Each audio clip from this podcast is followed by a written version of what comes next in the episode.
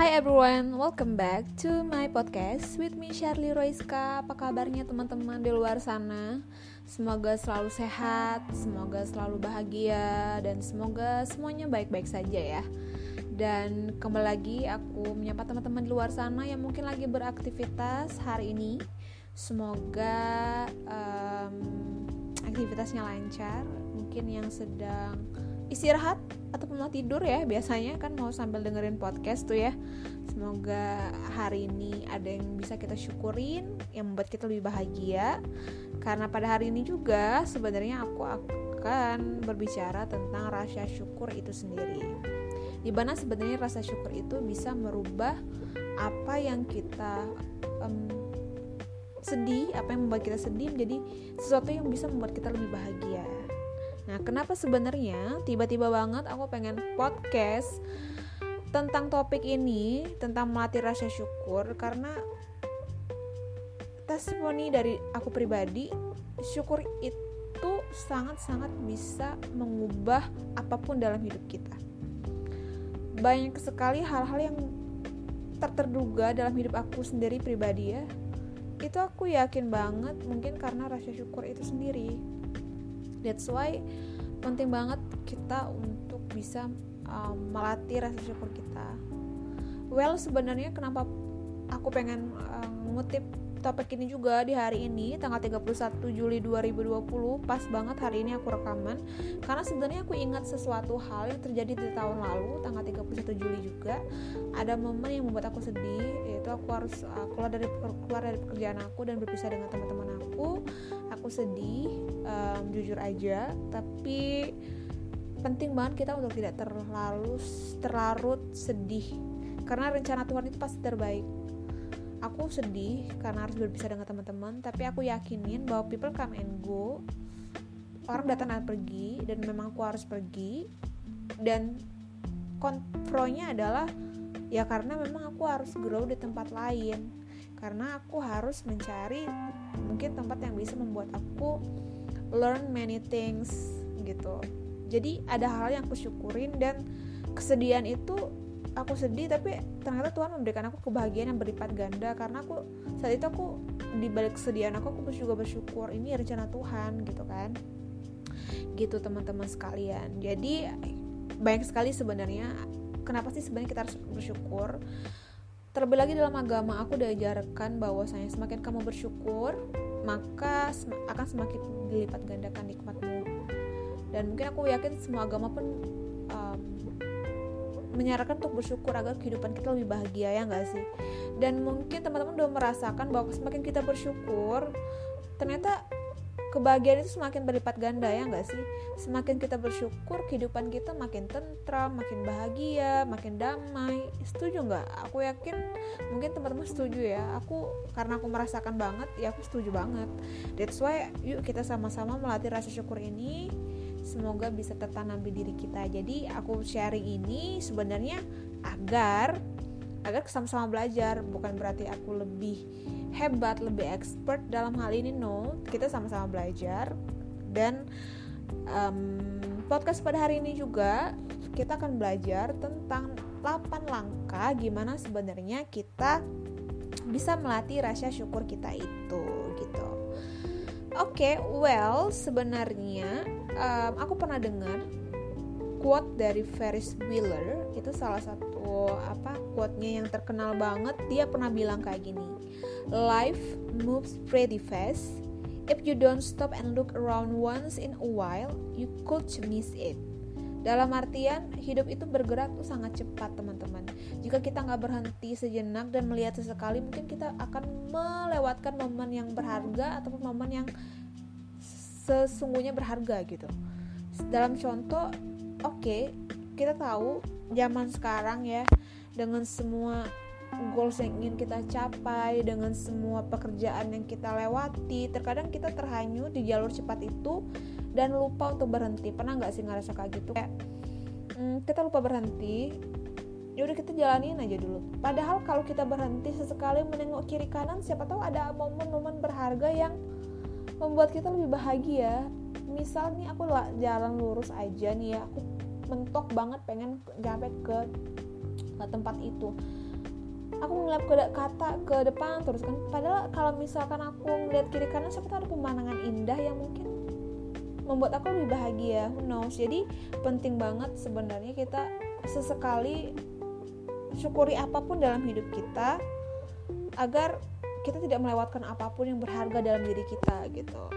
Oke lanjut aja sesuai topiknya ya daripada aku lama di awal ya ntar kalian bosen dengar podcast aku jadi langsung aja. Di sini sebenarnya kita sama-sama belajar aku juga kutip 8 langkah gimana kita bisa melatih rasa syukur kita. Di sini aku kutip dari tulisannya Janet Miller salah satu penulis yang bagus banget. Dia juga salah satu co-foundernya Jan's Review and lanjut aja yang pertama adalah don't be picky appreciate everything. Jadi please untuk mulai hargai apa pun dalam diri kita dalam hidup kita gitu. Karena kita sadari bersama bahwa syukur itu bukan untuk hal-hal yang besar aja dalam hidup kita. Tapi kita juga bisa bersyukur dengan menghargai hal-hal kecil dalam hidup kita. Setuju nggak teman-teman? Ya karena um, sesimpel kayak sekarang nih aku lagi podcast buat podcast aku lagi ngomong nih aku bersyukur aku masih diberikan suara aku masih sehat. Misalkan aku keluar rumah aku lihat langit biru aku bersyukur karena aku masih bisa melihat dan langitnya sangat cerah. Jadi gak sesimpel apa pun itu itu rasa syukur yang itulah salah satu latihan pertama untuk melatih latih rasa syukur ini diawali dengan hargai apa pun sekeliling kita walaupun itu sekecil apa pun Nah, memang kalau misalkan ini nggak dilatih ya udah kita akan sulit untuk hmm, bersyukur gitu loh. Jadi kayak mulai untuk menghargai apa pun yang ada di sekeliling kita, walaupun sekecil apa pun itu. Gitu. Terus, langkah kedua adalah Find gratitude in your challenges. Dalam artian, kamu harus menemukan rasa terima kasih itu dalam setiap um, tantangan yang ada. Dalam artian sebenarnya gini, well kita sadari bersama saat ini ya mungkin kita lebih sangat berfokus kalau bersyukur itu kepada hal-hal yang membuat kita bahagia. Kita bersyukur dengan hal-hal yang membuat kita um, senang, membuat kita terharu. Pokoknya hal-hal positif lah ya. Tapi yang membuat kita sadari juga ternyata kita jarang bersyukur dengan hal-hal yang membuat kita sedih kita jarang bersyukur dengan hal-hal yang membuat kita berpikir negatif ataupun bersyukur dengan hal dengan hal yang ataupun pengalaman negatif gitu ya. Ini penting banget untuk berlatih bahwasanya sometimes di balik semua pengalaman negatif yang kita rasakan saat itu gitu ternyata ada hal-hal indah ada hikmahnya gitu loh. Nah ini penting banget sih ini yang aku sangat uh, sering terapkan ya. Banyak sebenarnya ya dalam hidup lah ya kita pernah merasakan pahit manisnya kehidupan gitu asik bahasanya ya. Pastinya dong ya kan? Aku pernah merasakan sedih senang kecewa patah hati mungkin. Pasti pernah merasakan itu tapi di saat itu juga coba deh kita ambil hikmahnya. Karena gimana ya? Sedikit cerita aja. Dulu waktu mau kuliah tuh aku depresi aku sedih banget karena aku nggak keterima di kampus ternama gitu kan. Tapi dengan aku bersyukur hal aku fokus sama pro-nya aku fokus sama hal indah. Ternyata dengan aku di sini aja di kampus ini aku ternyata bisa berekspresi semau aku gitu kan. Aku bisa mengembangkan apa yang aku inginkan. Ada hal-hal yang membuat aku bersyukur dan ternyata dengan rasa syukur itu ada magnet tuh datang-datang aja keajaiban-keajaiban yang membuat aku semakin bersyukur lagi lagi lagi lagi dan kebahagiaan itu datang lagi. Yang mungkin gak akan nggak akan bakal aku dapatin kalau misalkan aku di kampus yang ternama gitu kan. Jadi kayak banyak sekali sih hal-hal uh, dari pengalaman negatif itu tuh bisa kita ambil hikmahnya. Dan dengan mengambil hikmah latihan terus ternyata percayalah bahwasanya itu udah takdir Allah udah jalan yang terbaik dan kita harus menerima itu dan kita bisa mengambil hikmah. Karena coba deh. Coba kita gali sedikit lebih dalam ke beberapa pengalaman sedih ataupun pengalaman negatif kita di masa lalu. Coba kita renungkan sekarang siapa tahu nih kita cari tahu ternyata bagaimana pengalaman itu bisa membantu kita membentuk kita menjadi orang yang sekarang ini. Ya enggak sih? Coba deh. Dia kayak saling berkesinambungan aja gitu loh mungkin misalkan kita aku kamu kalian sedih nih kali karena kalian akhirnya um, um, pindah ke perusahaan yang kamu, kalian gak seneng misalkan kayak gitu. Ternyata nggak kita nggak pernah tahu ternyata di sana kamu menemukan seseorang yang uh, membuat kamu berubah ataupun kamu bisa bertemu seseorang yang membuat kamu uh, lebih baik who knows gitu kan. Ternyata dalam hidup kita di baik setiap kejadian itu tuh pasti ada hikmahnya. Oke okay, misalkan aku kalau misalkan dulu aku nggak ke sana mungkin aku nggak akan seperti ini. Kalau misalkan aku nggak ke sana mungkin aku nggak akan ketemu ini misal gitu kan. Jadi kayak pengalaman-pengalaman negatif kita ambil hikmahnya kita bersyukur itu otomatis akan membuat kita lebih tenang dan hikmahnya itu membuat kita lebih bahagia. Dan kita sadari bersama sometimes kita nggak akan pernah tahu dan mungkin kita akan menyadari bahwasanya itu sangat berharga di kehidupan kita setelah beberapa tahun kemudian baru kita sadari gitu loh.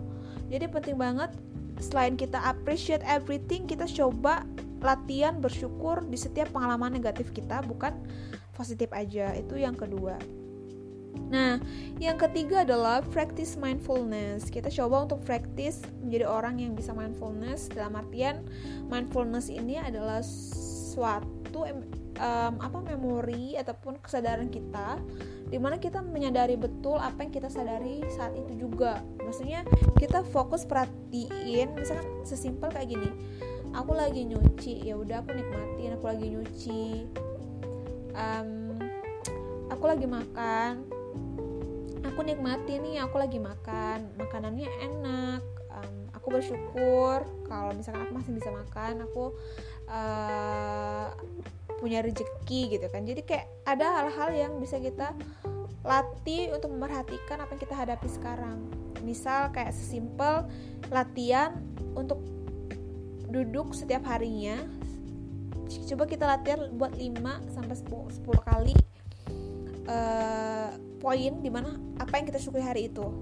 Nah kenapa ini perlu banget nih untuk kita latih karena kan otak kita tuh sebenarnya uh, sistemnya kayak semakin kita bersyukur nih semakin kita melatih itu maka otak itu kan akan membuat kita secara alami bersyukur gitu ya. Akan terus dilatih gitu loh.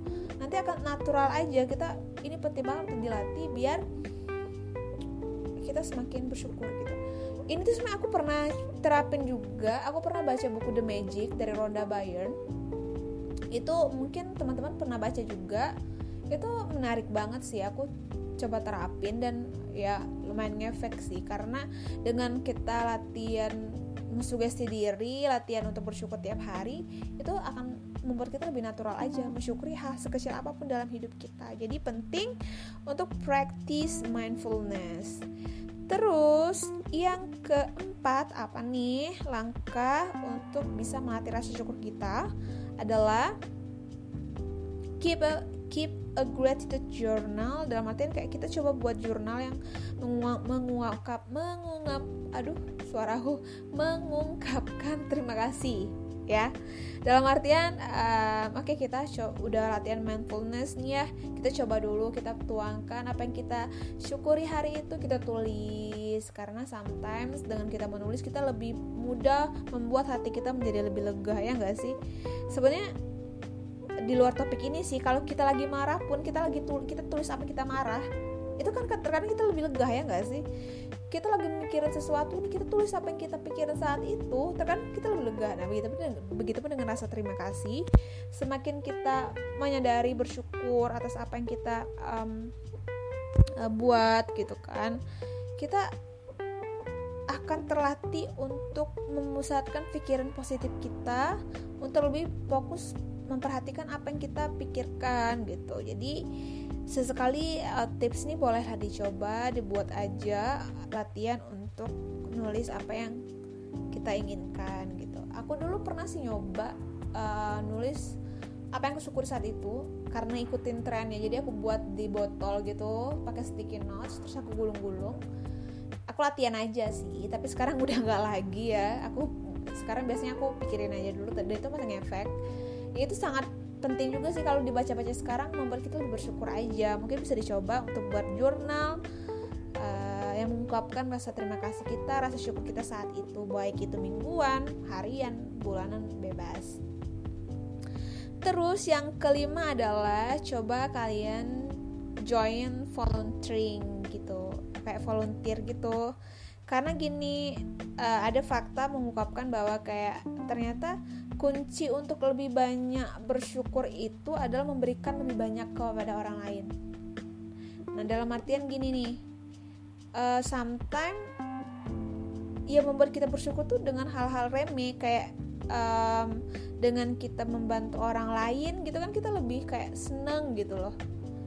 Kita yang membantu dan kita merasa lebih bahagia pernah nggak teman-teman ngerasain kayak gitu. Nah itu disaranin juga nih sama Janet Mailer ini kalau misalkan pengen latihan untuk lebih bersyukur coba sesekali join volunteer kamu ketemu dengan orang-orang baru dengan sudut pandang yang baru dengan kondisi yang baru di sana akan membuka uh, pikiran kita membuka mata kita bahwasanya terkadang kita lebih bersyukur atas kondisi itu kita juga bisa memberikan apa yang kita bisa berikan dan itu akan merangsang diri kita untuk bisa merasa lebih baik gitu.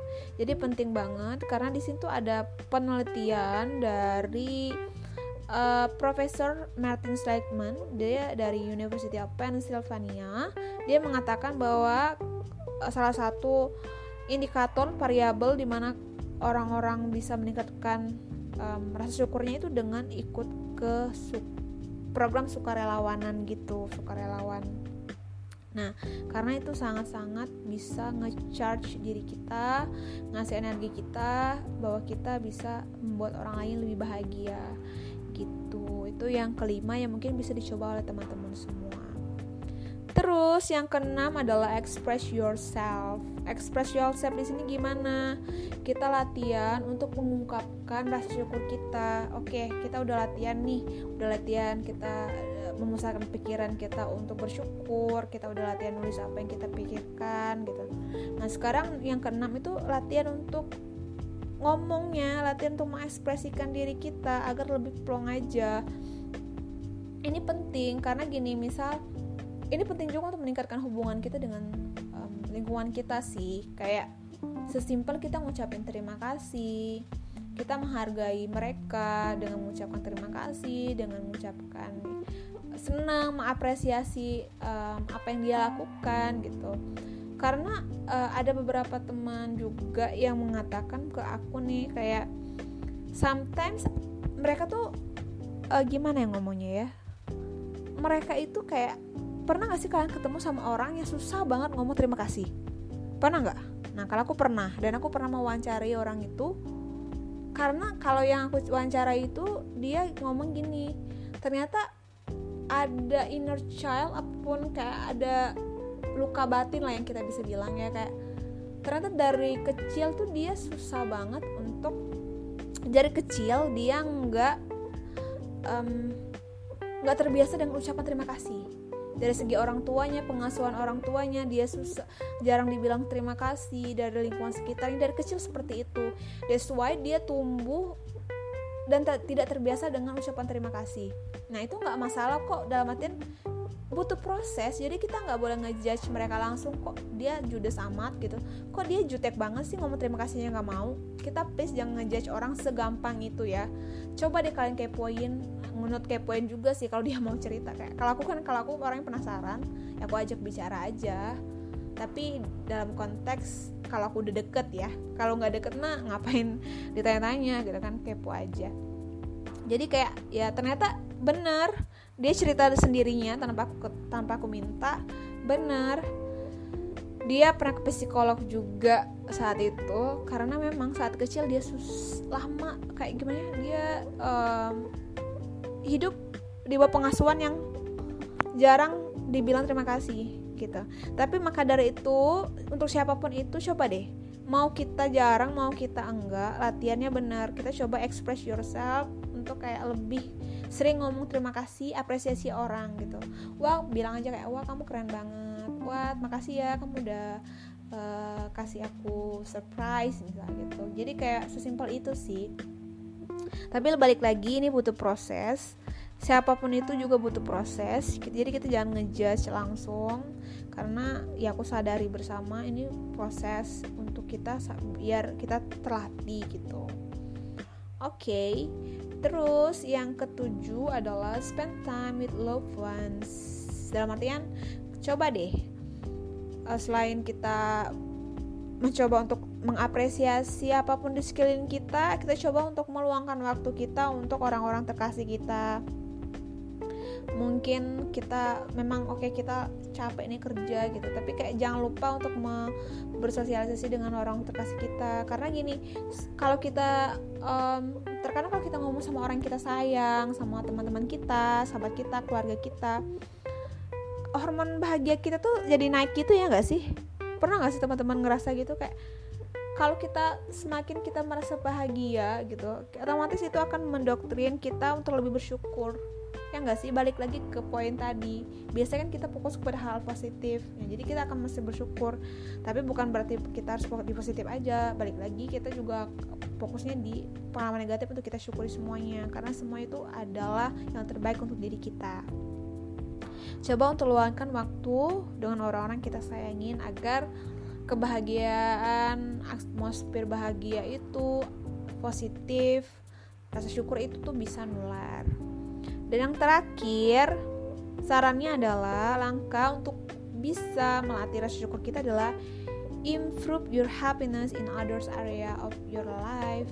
Dalam artian kayak kita percaya bahwa misalnya semakin kita bahagia, kita akan semakin bersyukur, ya nggak sih? Tapi dengan balik lagi nih, semakin kita bersyukur, kita akan semakin bahagia, ya nggak sih? Nah, berhubung kita semakin bahagia kita akan semakin bersyukur nih kita coba meningkatin kebahagiaan kita sendiri. Dengan cara apa? Dengan banyak cara. Dengan mulai kita menjalani hobi kita mungkin kita suka nulis oke kita kita nulis. Mungkin kita suka jalan-jalan traveling. Ya udah kita coba-coba